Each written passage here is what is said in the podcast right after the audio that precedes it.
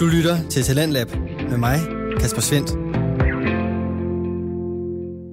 Og velkommen tilbage fra nyhederne til programmet, hvor vi byder på afsnit fra nogle af Danmarks bedste fritidspodcasts.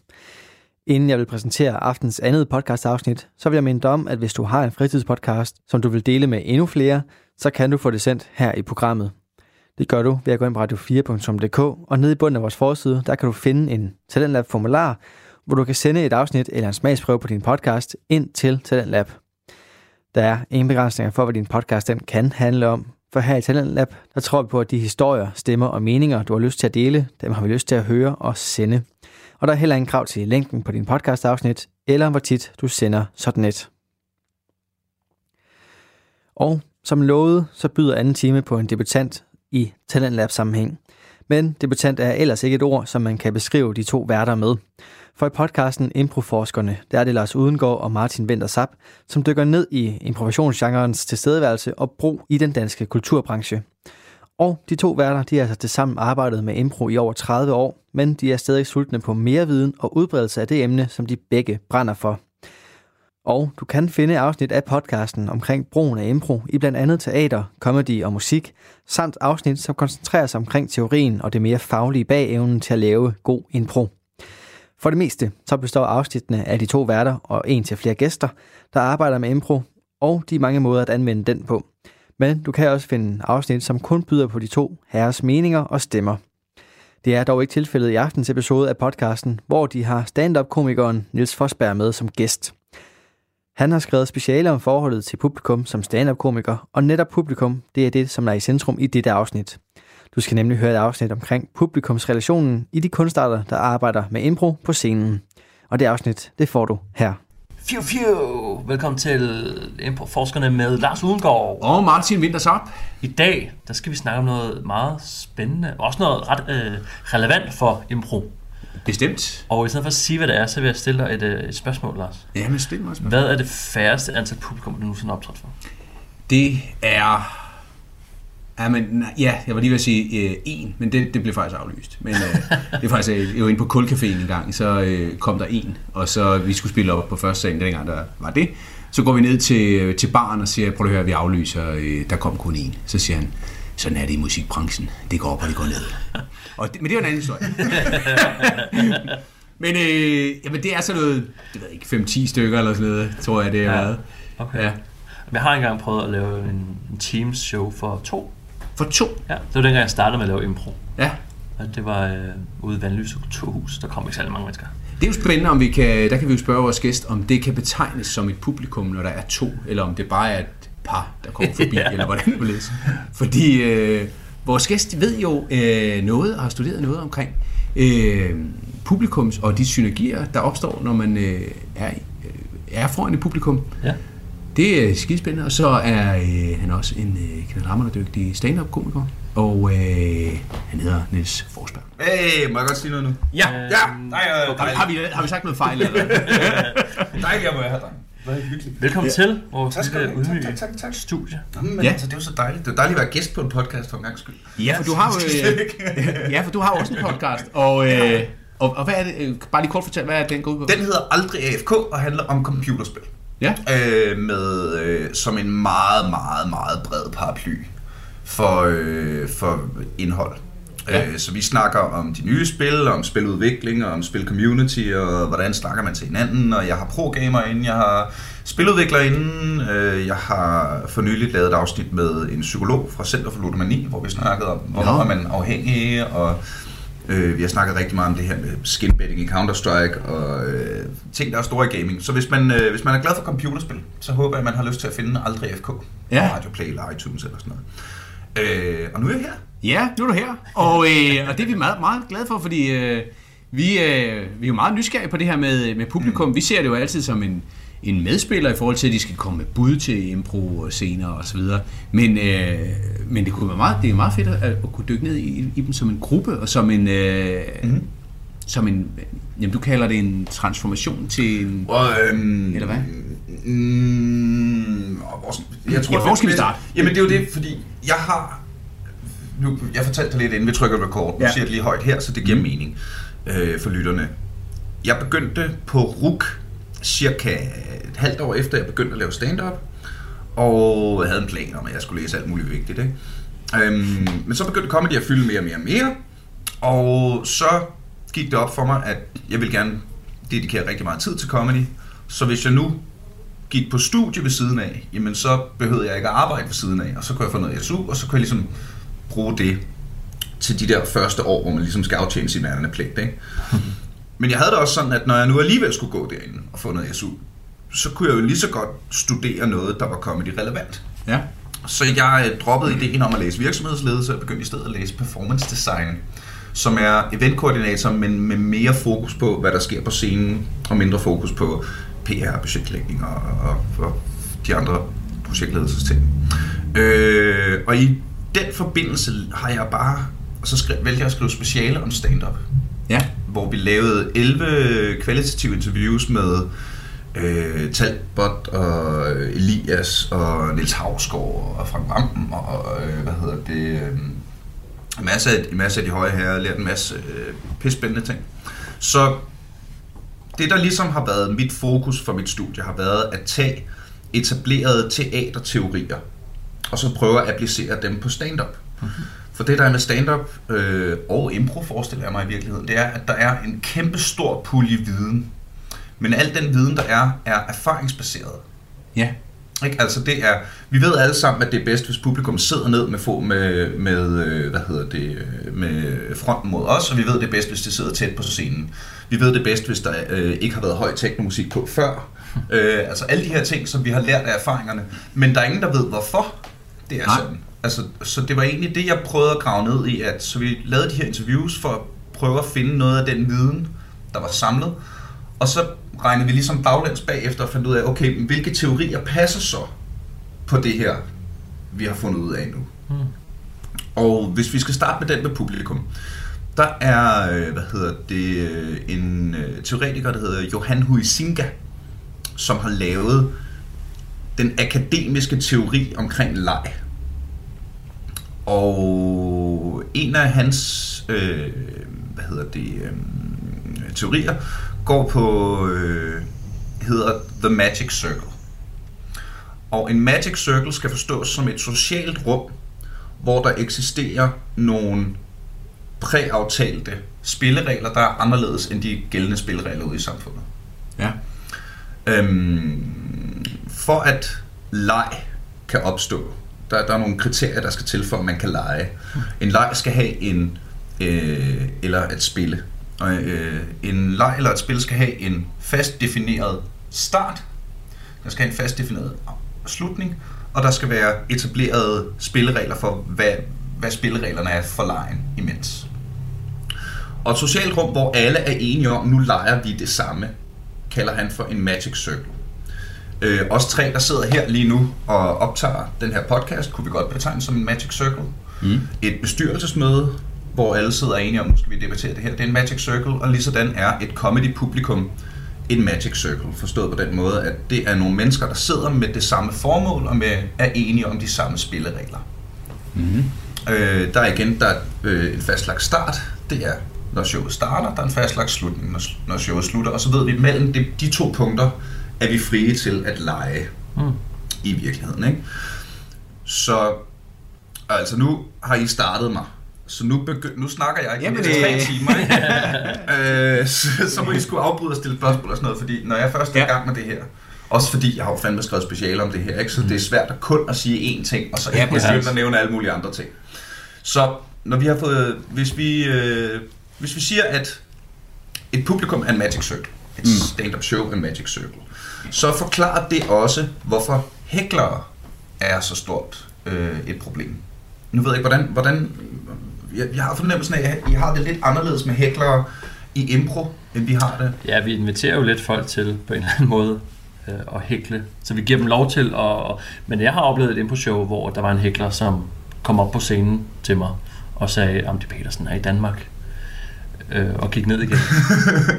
så det ville han gerne have, at jeg spillede over. Ja, ja, ja. Øh, og- og det var selvfølgelig forstyrrende. Ikke? Så der er jo ligesom igen nok nogle spilleregler, for siger, nu stiller vi et spørgsmål, nu må I byde ind. Mm. Og ellers skal I ikke blande jer. Jamen lige præcis, og det er jo netop det, hæklere ikke forstår. det er grunden til, at folk hækler, det er, at de ikke forstår de givende spilleregler. Og det samme sekund, der er en i rummet, som højlydt fortæller resten af rummet, jeg er ikke med på spillereglerne her, så bryder det The Magic Circle. Ah, Det ødelægger det der. En Magic Circle er super skrøbelig i virkeligheden. Øhm, fordi det samme sekund, der er bare én person til stede, som gør andre bevidste om, at jeg er ikke med på de samme spilleregler, så mister det den der community, tribalism, fællesskabsfølelse af alle herinde. Vi oplever alle sammen det samme, og det er røvfedt lige nu. En vigtig pointe, jeg havde brug for at lære som komiker med hæklere, er, at der findes to slags, og de skal behandles på to forskellige måder. Der findes konstruktive og destruktive hæklere. Langt, langt, langt de fleste hæklere er faktisk konstruktive, forstået på den måde, at de vil gerne bidrage, men de forstår bare ikke reglerne for, hvordan de skal bidrage. Mm. Øh, og det er meget tydeligt i stand-up, når nogen øh, råber noget lige før en punchline eller sådan noget. Ikke? Man har lige øh, brugt lang tid på et setup, og man har bygget op, og den der, lige den der mikropause, inden punchlinen kommer, som er sådan et spændingsfelt over det hele. Hvis nogen råber der, så ødelægger det alt. Ja. Altså, det dræber alting.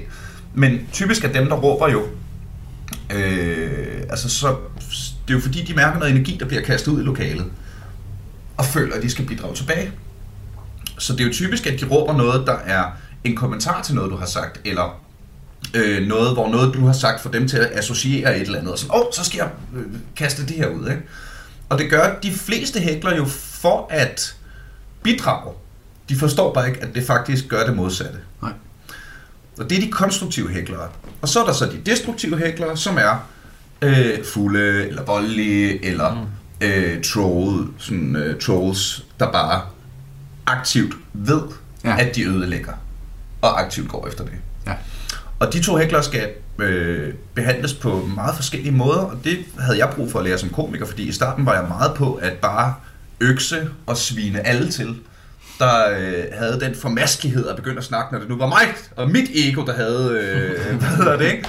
Så øh, det er gået meget mere op for mig, at, mm, at når jeg bliver hæklet, jamen, så skal jeg først lige decifrere, at det her er en, der egentlig gerne vil, men bare ikke forstår, eller er det en, der skal lukkes ned? Ja. Ikke? Og hvis det er en destruktiv hækler, jamen, der er der ingen fløjelshandsker. Altså, du må rive dem et nyt verbalt røvhul. Du må svine dem hæder og ære fra. Ja. Øh, og så på et eller andet tidspunkt, hvis det bliver for meget, så må du bede en dørmand eller en arrangør om at komme og fjerne vedkommende. Ikke? Og virker det? Altså virker det at, at give dem... Øhm, der, er igen, der er igen noget med, jamen igen tilbage til The Magic Circle. I et comedy show har man en, forhåbentlig, en Magic Circle, der siger, nu er vi her for at hygge os. Ja, ja. Så nogle gange har jeg også set komikere og også selv prøvet at, at ødelægge den der, nu skal vi hygge os stemning, ved at skulle tage en hækler ud. Ja, ja fordi Hvor- det er lidt det, der sker, ikke? Ja, altså, altså, ikke? Så det, øh, og så, så er det jo ikke konstruktivt, så tjener det ikke noget formål til showet. Mm. Øhm, så øh, det var en lille pointe omkring hækler. Øhm, Og så den konstruktive, hvordan, øh, hvordan skal de takles, tænker du? Jamen, Fordi den de- konstruktive, man kan i virkeligheden tit bare sige det, som man gerne vil sige, som i min mening er, øh, tak for inputtet, jeg er glad for, at du deltager, det er måske lidt dårlig timing. Det, siger du, det kan du simpelthen sige højt på. Det kan jeg sagtens ja. finde på at sige højt. Øh, altså simpelthen kalde situationen, ikke? Mm. Øhm, for, og, og det igen for at, at, at øh, jeg, gør, jeg gør rigtig meget ud af det, især når jeg er vært. Så gør jeg virkelig meget ud af at være bevidst omkring den her Magic Circle, gør hvad jeg kan for at... Øhm, jeg har sådan en dum ting, øh, når jeg er vært på open mic, at jeg starter med at sige, alle comedy fans i huset, come on, og lad mig høre jer sige, ho, ho, og så, mm, alle øh, studerende i huset, come on, og lad mig høre jer sige, fuld på statens regning, og så videre, så videre, så videre. Ah, ja. Og det er faktisk noget, jeg bruger tit i shows, hvor jeg, hvis jeg skal øh, ud og lave noget for nogle Counter-Strike, jamen, så siger jeg, okay, alle sniperne i huset, come on, og lad mig høre jer sige, og bla bla bla bla, og så videre, så videre, så videre. Øh, når jeg laver shows på engelsk for en international crowd, så plejer jeg at åbne på at sige, all the Danes in the house, come on, og lad mig høre jer sige rød grød med fløde. Og, og så bagefter, all the non-Danish people in the house, come on, lad mig høre jer sige rød grød med fløde. Ja. Ikke? Og bare fordi det tvinger dem til at give noget lyd fra sig og lave noget larm. Det er, man ser tit komikere, der går på scenen og siger, giv en kæmpe stor til mig, bare så der er noget til at, til at komme det i gang. Ikke? Og ja. det er med til at etablere The Magic Circle. Mm. Øhm, vi snakker lidt om det her, inden vi tændte øh, mikrofonerne, ikke? men det er stadig Johan Huizinga, øh, teorien om spil og leg, vi er ude i.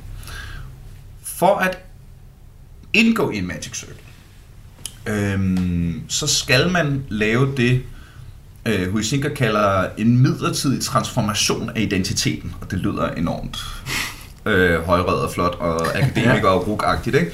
Men det han mener, det er, at vi skal...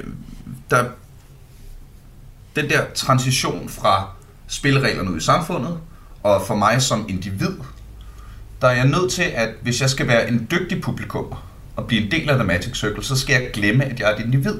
Mm. Og jeg skal i virkeligheden blive en del af den her Magic Circle. Det er tit det, der går galt, når øh, stand-up-komikere kommer ud til julefrokoster. Det er, hvis, hvis et julefrokostshow skal være succesfuldt, så er du nødt til at tage hele den her fest, der er i en Magic Circle, der hedder julefrokost. Og når man er til julefrokost, så drikker man snaps og ja. råber og skriger og danser på bordene. Og så skal man tage den stemning og lige pludselig sige, I skal lige have en helt anden vibe, drenge. Ja. Den næste halve time, der er I ikke til julefrokost, der er I til stand-up show. Og hvis man ikke får lavet den transition, jamen så er det, at, at de sociale mekanismer og de spilleregler, der er i en comedy magic circle, de er ikke etableret. Ja. Og så er det, det bliver svært mm. at lave et julefrokostjob. Ikke? Mm. Der tror jeg faktisk, impro har en, øh, en fordel på privatjobs, fordi I automatisk ved, at I beder folk om at bidrage. Så gør I, så gør I det nemmere, meget, meget nemmere for folk at have lyst til at blive en del af den her Magic Circle. Modsat hvis jeg kommer ud til en julefrokost og siger, Nå, det ser godt nok ud, som om I hygger jer. Jeg var ude, jeg var øh, ude at handle i Netto her forleden dag. Ja. Så sidder de fleste og sådan, det er fint, hvorfor skal vi høre, hvad du var ude i Netto? Ja. Vi sad lige og hyggede, der var sgu da snaps. Ja. Ikke? Øhm, Jeg vil sige, at øh, julefrokostjobs er jo også det mest udfordrende, men du, du kan ret i det der med, at vi ligesom, vi gør måske noget ud af at flytte det. Og det er også det, jeg kan høre, at du siger med, at når du varmer publikum op, at du flytter dem Mm. med din opvarmning. fuldstændig. Du, du lærer dem, hey, når jeg spørger om noget, må I godt svare. Øh, eller Ja, ja. lyd, ikke? Men I skal svare, når jeg beder jer om det. Ja, præcis. Ikke? I må ikke bare... Og øh, det er derfor, øh, øh, altså tænk, tænk på, når I er teateret, og det ringer ind. Den der ringe ind klokke der, Mm. der ringer 1, 2, 3 gange, den tjener et logistisk formål, der hedder, kom ind og få sat jer ned, så vi kan komme i gang. Men den tjener også et, øh, hvad hedder det, husk, kære venner, nu er I altså i teateret. Ja. Nu skal I ind og være et publikum. Øhm, og det, det, det er den der, det hedder, den hedder den liminale overgang. Okay. Øhm, sådan, som er den der grænseflade, det er der, man gennemgår den der transition. Ikke? Jeg læste en skide, jeg læste en fantastisk artikel. Jeg kan ikke huske, hvem der havde skrevet den. Hun skrev fandme godt. Øh, overskriften var, det var en lorteforestilling, jeg kunne ikke finde en parkeringsplads. Som jo netop bare beskrev, hvor mange andre ting, end det, der lige foregår på scenen og i teateret, der egentlig påvirker folk. Ja. Jeg, jeg, kunne finde, jeg kunne ikke finde parkeringsplads. Det var, øh, unge var en idiot, og den anden unge øh, har fået øh, mylderbag og øh, skal afleveres til fodbold, og så er der momsregnskaber, og så er der opvask, og så er der, der er alle de her andre ting. Ja. Og hvis et comedy show, impro eller stand-up skal være succesfuldt, så er du nødt til at formå på en eller anden måde at få publikum til at glemme opvasken. Ja. Øhm, vi gør det meget til vores nørdeshows, hvor vi, øh, det helt store, vi lavede på Bremen, der havde vi, øh, der havde vi Jakob Stikkelmann til at varme op. Ja.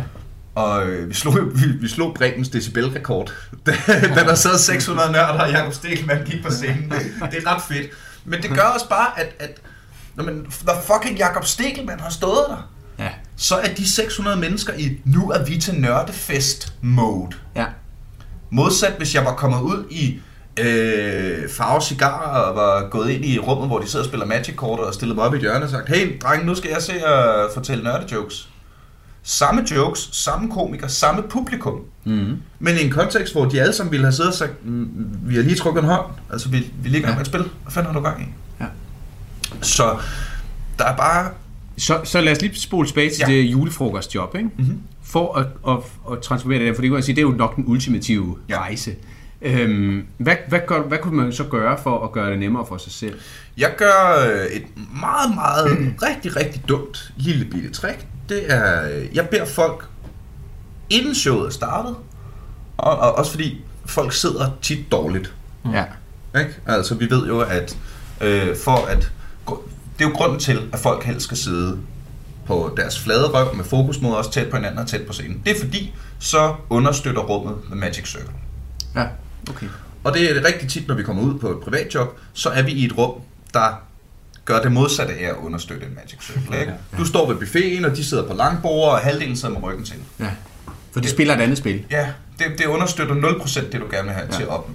Så jeg gør ret til det, jeg simpelthen... Øh, og, og øh, det her forventningsafstemmer jeg med arrangøren, inden jeg dukker op. Jeg siger, at jeg vil have folk til at sidde så tæt på mig som muligt, og så tæt på hinanden som muligt. Og hvis de ikke gør det ved bordene, så må de skulle tage deres stol i den ene hånd, og deres drink i den anden hånd, og flytte op foran mig. Ja.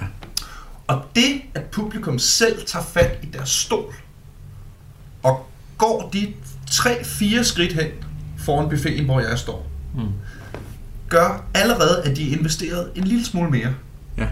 Fordi hvis de har gjort det, og det bliver noget lort, så har de flyttet en stol for ingen verdens nytte. og ingen gider at flytte en stol for ingen verdens nytte, vel? Nej. Og slet ikke, når du er til en fest. Så, altså, sådan et lille trick. Mm. Jeg er også per definition meget, meget imod at være en overraskelse. Ja. Fordi at jeg, for, jeg jo gerne vil have, at festens gæster kan lave den her transformation mm. til at blive stand-up-publikummer. Så det, jeg, så det øh, har jeg bare lært af erfaring, at det er uendelig meget nemmere, hvis de er preppet på det for inden. Og vide på et eller andet tidspunkt, skal jeg se show, jamen så ved de allerede bagho- baghovedet på et eller andet tidspunkt, jamen så skal jeg ind og være publikum, uden at, at man sådan helt har pindet det ud. Ikke? Ja. Øhm, så altså bare det at være bevidst om det. Ja. Før jeg sk- skrev det her projekt, der var jeg sådan, "Ja, overraskelse, ja, ja, helt sikkert, ikke? Mm. Og jeg kan simpelthen mærke, at det er nat og dag forskel. Ja, men det, det Og, jeg tror du fuldstændig ret. Ja. Altså, jeg, jeg, jeg oplever det også, jeg er udover impro-komiker, så er jeg tryllekunstner også, og, ja. øh, og netop, det er tit sådan en overraskelse, og jeg prøver altid at snakke dem fra det, fordi at det netop, du, jeg kan, nu, nu har jeg ikke sat de samme ord på, som du gør nu her, men, men jeg, jeg bruger altid meget længere tid på at komme i gang, når jeg, når jeg er en overraskelse, fordi folk skal lige omstille sig, hvad er det her for fordi noget? du skal etablere en ny Magic Circle. Ja, det er så det, jeg gør åbenbart, Ja, men, øh, det, men, men det, er jo, det, er, det er simpelthen bare det, du gør. Og, og jeg tror også mange øh, øh, performer, der hører det her, kan prøve at tænke tilbage på nogle jobs, I har lavet, der er gået godt, nogle jobs, I har lavet, der er gået dårligt. Og her snakker vi firmajobs, privatjobs. I kommer mm. Ud til dem, ikke? Fordi når de kommer ind til os, når de kommer ind på teateret, jamen ja. Så er der klokken, der ringer ind, og de har købt billetten, og de har fundet en øh, parkeringsplads, hvis de har fundet en parkeringsplads og alt det her. Ja. Og alt det er med til at transformere dem. Nu skal vi ud og have det sjovt, ikke? Men den transformation er der bare ikke noget andet end os, der kan facilitere, når vi er ude på privatjobs. Mm. Øh, så prøv, øh, kære performer, at tænke tilbage. Hvis du ikke er performer og hører det her, prøv at tænke tilbage på nogle shows, du har set. ja, Og jeg tror helt seriøst, at I kan, I kan analysere al- alle shows. Nå fuck, var det bare det, der skete ja. i virkeligheden, ikke? Mm. Jamen, det, det, det, det giver meget god mening, og, øhm, og en anden ting, som, som vi er begyndt på med kosmonauterne, det er også at ligesom at lade firmaet tage styring på netop at få stolene frem Mm. og sige velkommen til, Ja. og sådan, hvor vi siger, men hvad skal vi sige, siger- spørger de så. Ikke, ikke andet, du skal gå op og sige, nu sker der Ja. noget andet. Ja. Øh, og det virker, synes jeg. Altså, Helt vildt. fordi det, det kan være noget af en opgave at gøre det selv. Også fordi, altså, øh, når, når publikum får at vide, nu skal vi se noget comedy, mm. så forventer de, Nå, men så er det vel sjovt. Mm. Og det er bare ikke sjovt at sige, hey dig derovre, kan du lige ligge øl, ølbokken, og hvis I tre holder op med at, øh, Ja. altså hvis, dig, dig derovre, ja, hallo, gider du lige vente om? Gider du lige, gider du lige vente om? Gider du bare dreje hovedet så? Ja. Det er ikke sjovt. Nej. Og vi ved alle sammen, hvor, øh, hvor vigtigt det er med starten af et show, hvor vigtigt det er, at man kommer godt i gang. Og det er bare nærmest umuligt at komme godt i gang, hvis du skal bruge de første ja, 3-4 minutter. Det er fandme lang tid i comedy Ja. på at, at få etableret den der Magic Circle. Ja. Og hvis man tager den klip til en open mic på Comedy Zoo, du er på som nummer 4. Verden har varmet publikum op mm. og siger, Giv igennem du har det, da." Når du går ind der, så er de der allerede. Ja. Så, så jo mere man kan på forhånd få, du behøver ikke sidde og øh, hver gang du snakker med en kunde, fortælle om Johan Huizinga og den øh, liminale transition og alt det her. vel? Men, men jo mere man kan få i tale sat over for en kunde, hvorfor det er vigtigt Ja. det her. Øhm, det er i virkeligheden også en ting, jeg øh, er- begyndt meget på. Det er, jeg, jeg, jeg gør altid et nummer ud af at fortælle, hvorfor. Mm. Fordi hver gang vi snakker med en kunde, så siger de, du er en overraskelse.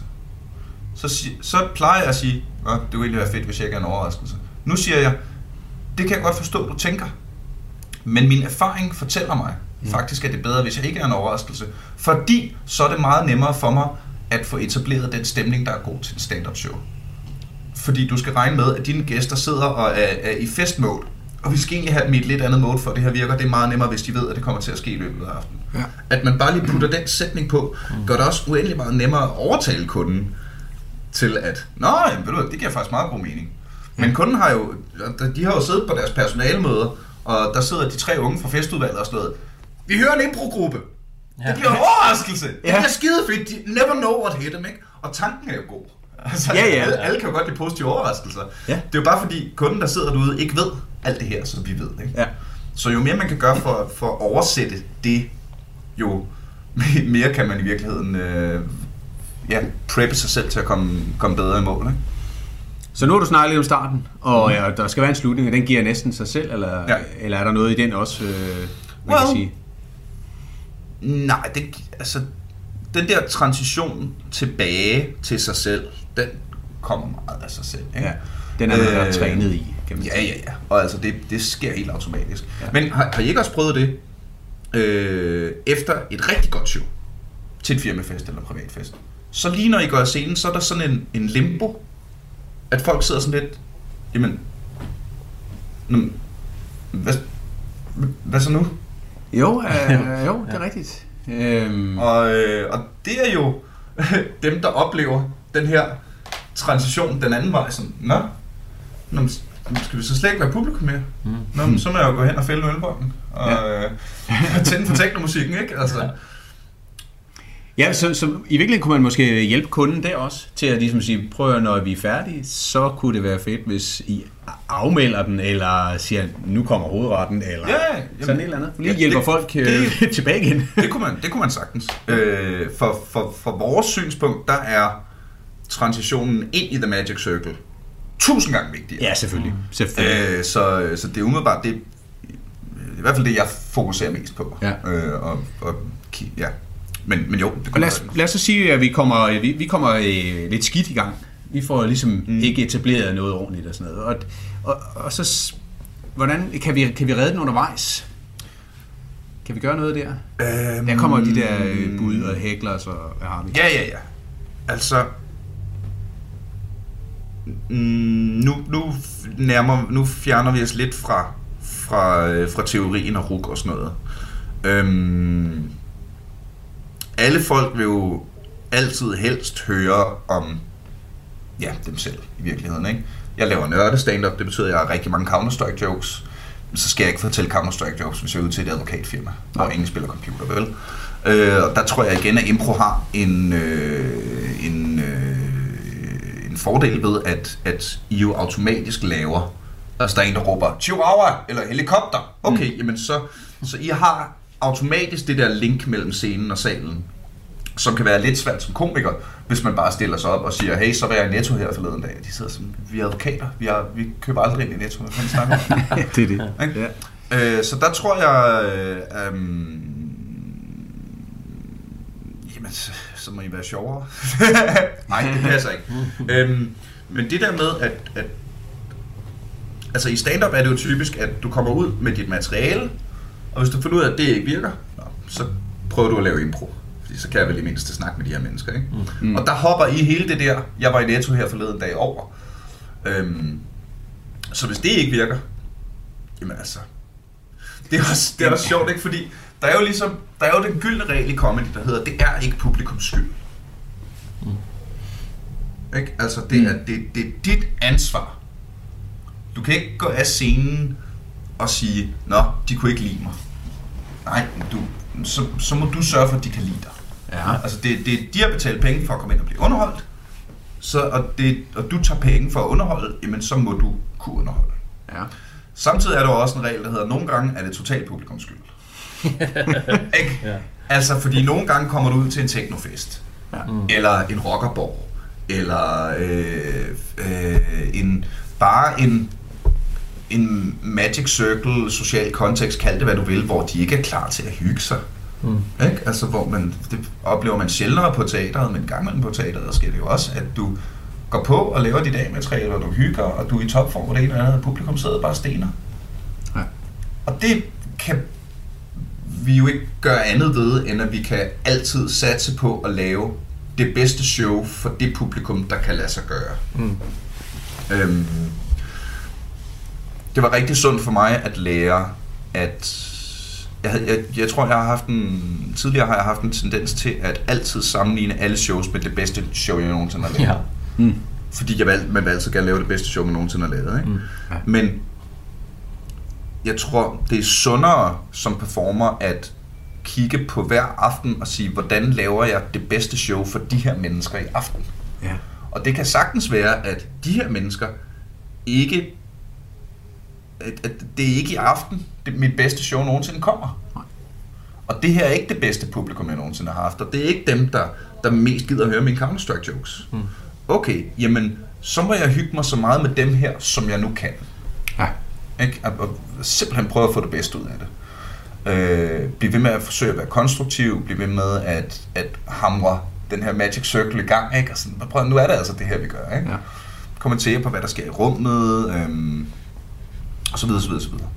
Du siger jo også, at, at du ligesom skal gå ind i deres Magic Circle, og der kunne man, øh, der kan vi jo, det, det, det, det vi snakker med, at vi kan jo nemmere at sige, "Nå, men nu, nu er vi ude hos øh, advokatfirmaet her, jamen så laver vi øh, øh, en scene om, om øh, en, en falsk Ja. rettergang eller et eller andet. Ja.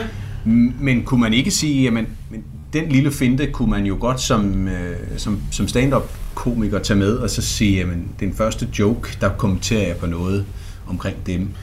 Eller, Jeg er faktisk begyndt på, efter jeg har oplevet, hvor vildt det er, når jeg har et rigtig nørdet publikum. Altså når, når jeg rammer øh, årskongressen for danske live-rollespillere, eller øh, nogle af de her jobs, jeg laver, ikke? Øhm, hvor vildt det er, når man kun snakker om noget.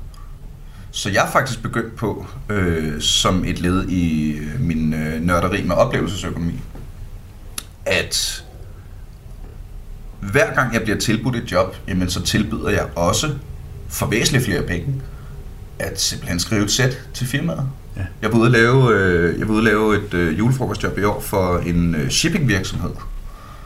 Og jeg ved jo ikke en skid om shipping, og de ved højst sandsynligt ikke særlig meget om Counter-Strike. Nej. Så sagde jeg til dem, jamen prøv at høre, så, så kommer jeg ud en uge før og holder et møde med jer. Mm. Og så fortæller I mig ravl og krat og sender mig alt, altså hvad jeres hjemmeside og det I sender til jeres partnere og jeres interne øh, reglementer og regelsætter og historier og det ene og det andet. Og så skriver jeg det bedste jeg kan Ja. ud fra det. Og det virker tusind gange bedre Ja. end mit A-materiale fra Comedy Zoo. Hmm. Ja. Men hvis jeg kan komme derud, og det var noget med, så havde de noget tørlast, og så havde jeg skrevet nogle jokes om det, og så var det noget med, at når jeg, så kom jeg i tanke om, vent lidt, jeg har sgu da engang været til det der, længe før jeg begyndte at lave comedy, der var jeg til sådan en, øh, jeg meldte mig til den der Mærsks øh, shipping trainee uddannelse, og kom slet ikke igennem, vel? Men, nå jamen, så kunne jeg skrive nogle jokes om det, for det vil de sikkert skide gerne høre, ikke? Og jeg, øh, altså med al ære og respekt, jeg storslagtede Ja. de der, det der, den der shipping julefrokost, ikke? Ja. Men jeg stod også bare og snakkede om dem, og kunne nævne ja. chefen med navn, og øh, hvad hedder det, øh, øh, sekretæren med navn, og hey, nå, det er dig med den der trøje, så var det sikkert dig, der lavede den der for to julefrokoster siden, ikke? Ja. Og så er du jamen så er du en del af deres interne Magic Circle, deres mm. præetablerede Magic Circle. Ja. Ikke? Og så får du lov til uendelig meget mere, og så kan de lide dig uendelig meget mere. Ja.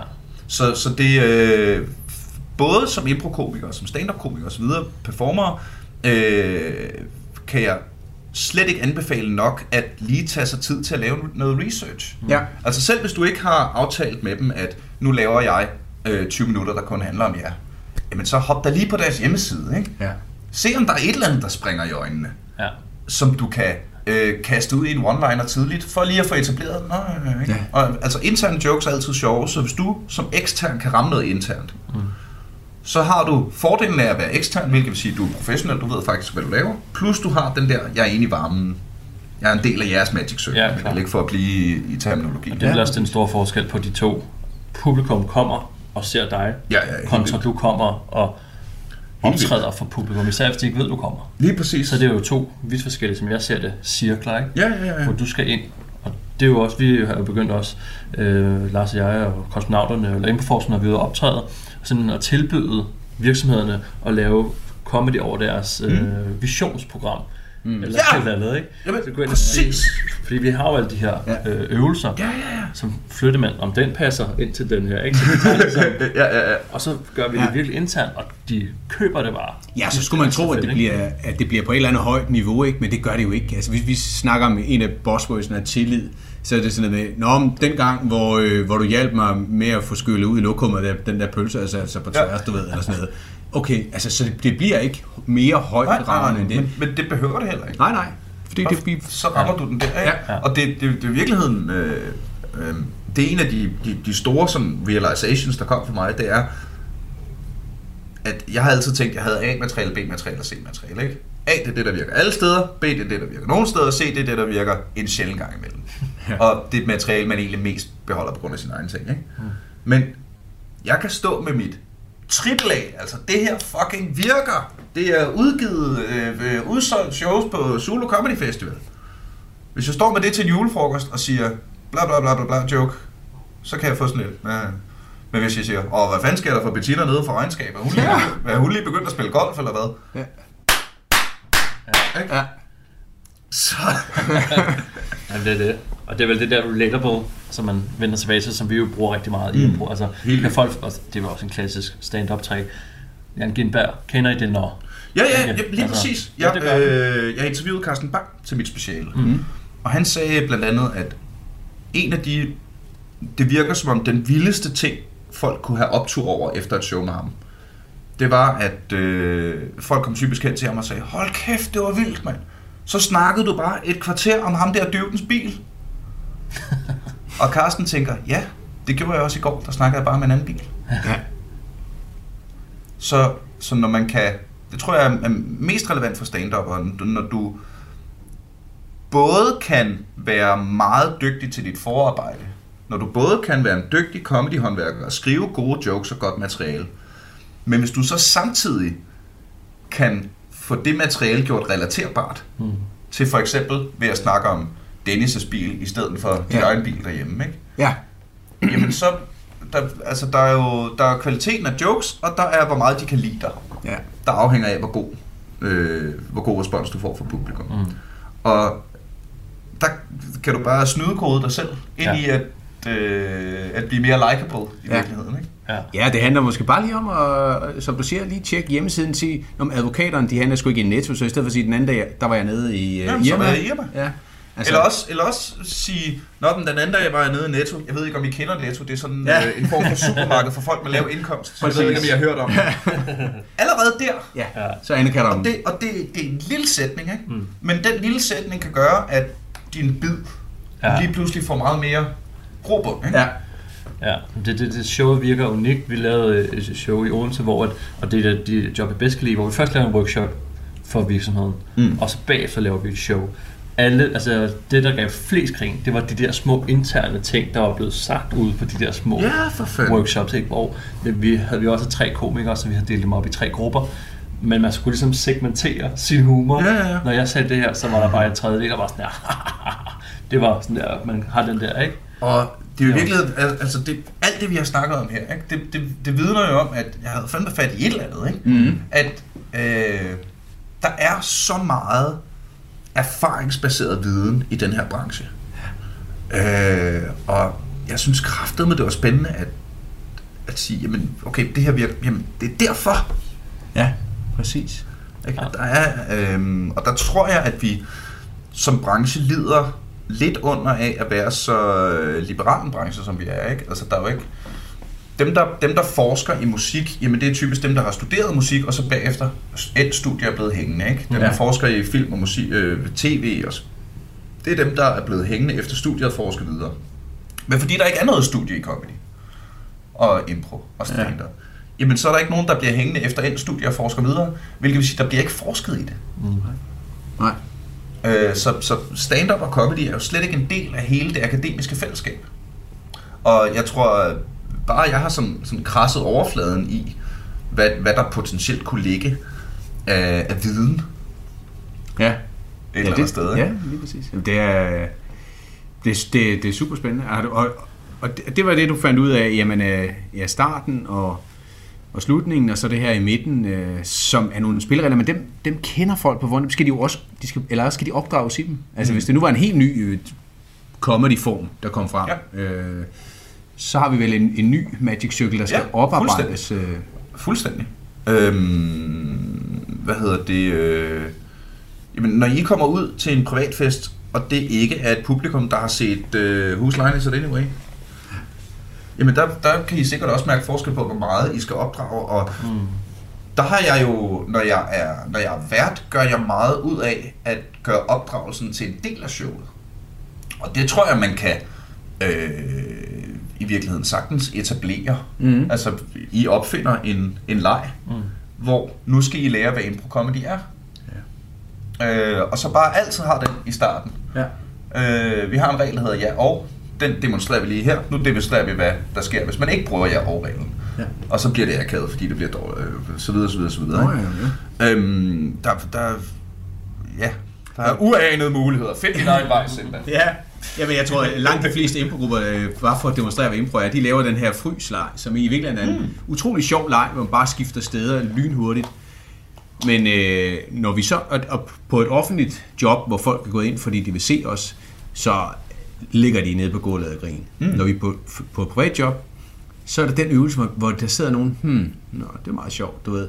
Men, men de er ikke sådan på røven over det, og, og vi har på et tidspunkt snakket om, jamen, skal vi tage den ud? Virker den bare ikke på private jobs osv.? Mm. Men det, det er lige netop det, den kan. Den kan gå ind og etablere ret hurtigt, hvad det er, vi har gang i, og så få publikum med på lejen, og mm. komme en masse bud og alt det her. Men vi skal bare ikke forvente, at de, de ruller rundt på gulvet, ja. før vi er Men også fordi, hvis, hvis, vi, hvis vi bliver i terminologien, så er det måske den leg, der etablerer The Magic Circle. Mm. Men det betyder ja. også, at I går i gang med lejen, inden The Magic Circle er etableret. Ja, det, det gør vi nok nogle gange, ja. ja. Og altså, det, det er tungt as fuck. ja. Øh, hvad hedder det? Der har været, det kommer til at tænke på tidligere, der har været rigtig meget debat i miljøet om, i stand-up-miljøet, om øh, open mic skal være gratis. Mm. ja. Øh, og der er ligesom to skoler. Der er den ene, der hedder, prøv at høre, det er der de nye komikere kommer, og det er der vi andre fucker op. Det skal folk ikke betale penge for. Og så er der den anden skole, der hedder, men de er nødt til at betale et eller andet. Mm. Fordi hvis de ikke betaler et eller andet, så er de ikke investeret. Mm. Og der er jeg af, af den anden skole. Jeg mener, at de skal lægge en 10 eller en 20'er. Det behøver ikke være mere end det. Det er ikke noget, der skal være dyrt og sådan noget. Men bare det, at du hiver din punkt op af lommen, og åbner dimsen og giver en 20'er, jamen det gør, at du selv faciliterer den liminale transformation. ja. Det gør, at du investerer noget i, øh, i aftenen. Mm. Og det samme sekund, du har investeret noget, så skal du beskytte din investering, hvilket vil sige, så vil du ikke have, at det bliver en dårlig aften. Ja. Ja. Fordi så har du tabt din investering. Det Modsat, hvis du sidder der og har betalt 0 kroner, jamen så kan du læne dig tilbage med øh, armen over kors og sige, Nå, men lad os se, hvad det kan. Hvis det ikke kan noget, pff, så har jeg ikke tabt noget. Jo. Men der er vel også en sammenhæng mellem, hvor meget du investerer, og, og altså, hvis du lagde 500 kroner, så er der, så, så Ja, er ja, så, effekt. så er der noget helt andet. Så forventer du også, at det bliver godt, ikke? Altså, ja, ja. det skal det, sådan skal det aldrig være til et open mic. Nej. altså, det, der skal folk helst ikke have forventninger. Det hjælper ikke nogen noget, vel? Jeg var inde på det nye i weekenden og se Phantom, og vi Ja. ja. havde købt billetterne til 700 kroner. Og der kunne man godt se i pausen, hvem der var helt vildt fan, og hvem der var sådan et, hmm, 700 kroner alligevel. Ja. Ja. Så det jo en meget, meget god pointe. Men jeg tænker lidt, du siger en 20'er, og de investerer. Hvad så med en privat fest? Der har folk jo ikke investeret. Nej. Er det så der, hvor stolen... Jamen det, det er der, ind? hvor... Øh, for øh, på jobbet er det stolen, ikke? Mm. Men jeg siger jo altid til arrangøren, når vi, når vi har den her, skal det være en overraskelse debat, som man altid har med arrangøren, ikke? så siger jeg, jeg kan godt se, hvad det er, du vil opnå med overraskelsen, mm. men jeg tror faktisk, vi kan opnå endnu mere, hvis du, øh, altså, send mig en stikker-mail. Sig til personalemødet på fredag, hey, vi har hyret, vi har forresten hyret en komiker til julefrokosten. Så hvis der er noget, øh, og vi, vi vil gerne sende ham noget info om firmaet, så hvis der er nogle sjove ting, eller hvis nogen af jer har nogle idéer øh, til, øh, eller øh, hvad hedder det, nogle sjove historier, eller nogle udtryk, vi bruger meget her i firmaet, eller sådan noget, jamen, så ved de det allerede på personalemødet. Nå, okay, til julefrokosten kommer der en komiker, og så skal jeg indgå i en, øh, en ændring af The Magic Circle. Hvis, hvis du har siddet på din arbejdsplads, og bare lige brugt 5-10 minutter på at øh, skrive en mail til personalchefen om, Nå jamen, det kunne da være sjovt, hvis han nævnte det der med, med kajakturen i 2005. Jamen, så har du allerede så har du investeret der. Ja. Mm. Og så det, det er i virkeligheden sådan en, et, et, øh, en double whammy, Ja, ja, når jeg siger det her, fordi så slipper jeg både for at blive en overraskelse, men jeg kan også få folk mere investeret i at glæde sig til at høre, hvad jeg har at sige. Ja. Og øhm, som stand-up-komiker især, tror jeg, at vi har en, øh, en... I Danmark har, er der så stor fokus på håndværket i comedy. Skal fandme skrive godt, og du skal fandme skrive originalt. Og det er fantastisk for kvaliteten af dansk comedy Ja. når jeg har, jeg har, op, jeg har været rundt i verden og rejse, og, og Danmark er det sted, jeg har været, hvor vi har det laveste bund, øh, det højeste bundniveau. Mm. Okay. Altså alle lande har sgu deres dygtige A-liste komikere, men i Danmark er selv de ukendte sjove. Og det tror jeg har meget at gøre med, at vi, er, vi har så hardcore fokus på håndværket. Men jeg tror en gang imellem, det, altså, jeg ved ikke om det er sådan for andre, sådan var det i hvert fald for mig, at jeg var jo en kæmpe stand-up fan, og havde så meget fokus på det her håndværk, at jeg helt øh, havde helt skyklapper på i forhold til alle de andre ting, der også påvirker et show. Mm. Og der øh, har jeg i hvert fald og fået sindssygt meget ud af, at, at ligesom brede min horisont lidt ud og sige, jamen Niels, du er stand-up nørd, Ja. og du er en fagidiot. Og du, når du ser et stand-up show, så tænker du på callbacks og sætter punchlines, og du tænker på bla bla bla bla bla bla, bla ikke? Det gør de fleste mennesker ikke. Nej. Så øh, det er i virkeligheden at begrænse sig selv at lægge så meget fokus på det der håndværk. Og jeg siger ikke, at vi ikke skal lægge fokus, og vi ikke skal lægge så meget fokus på håndværket, for det skal vi, for det er det, der gør os gode. Vi skal bare huske, at der også er mere. Ja. Så vi skal ikke trække fra den dedikation, der ligger i håndværket. Vi skal bare tilsætte alt det udenom, som gør det fedt. Ja, ja, fordi uden håndværket, så vil det blive, øh, så vil det blive øh, vift i vinden. Ikke? Altså, vi, har, vi har lige snakket om det der mange gange med at lære alt, hvad der er at lære, og så glemme det igen, ikke? og så stykke det sammen, Mm. for så kommer der måske noget, noget Ja, nyt. ja, ja. Øh, nyt.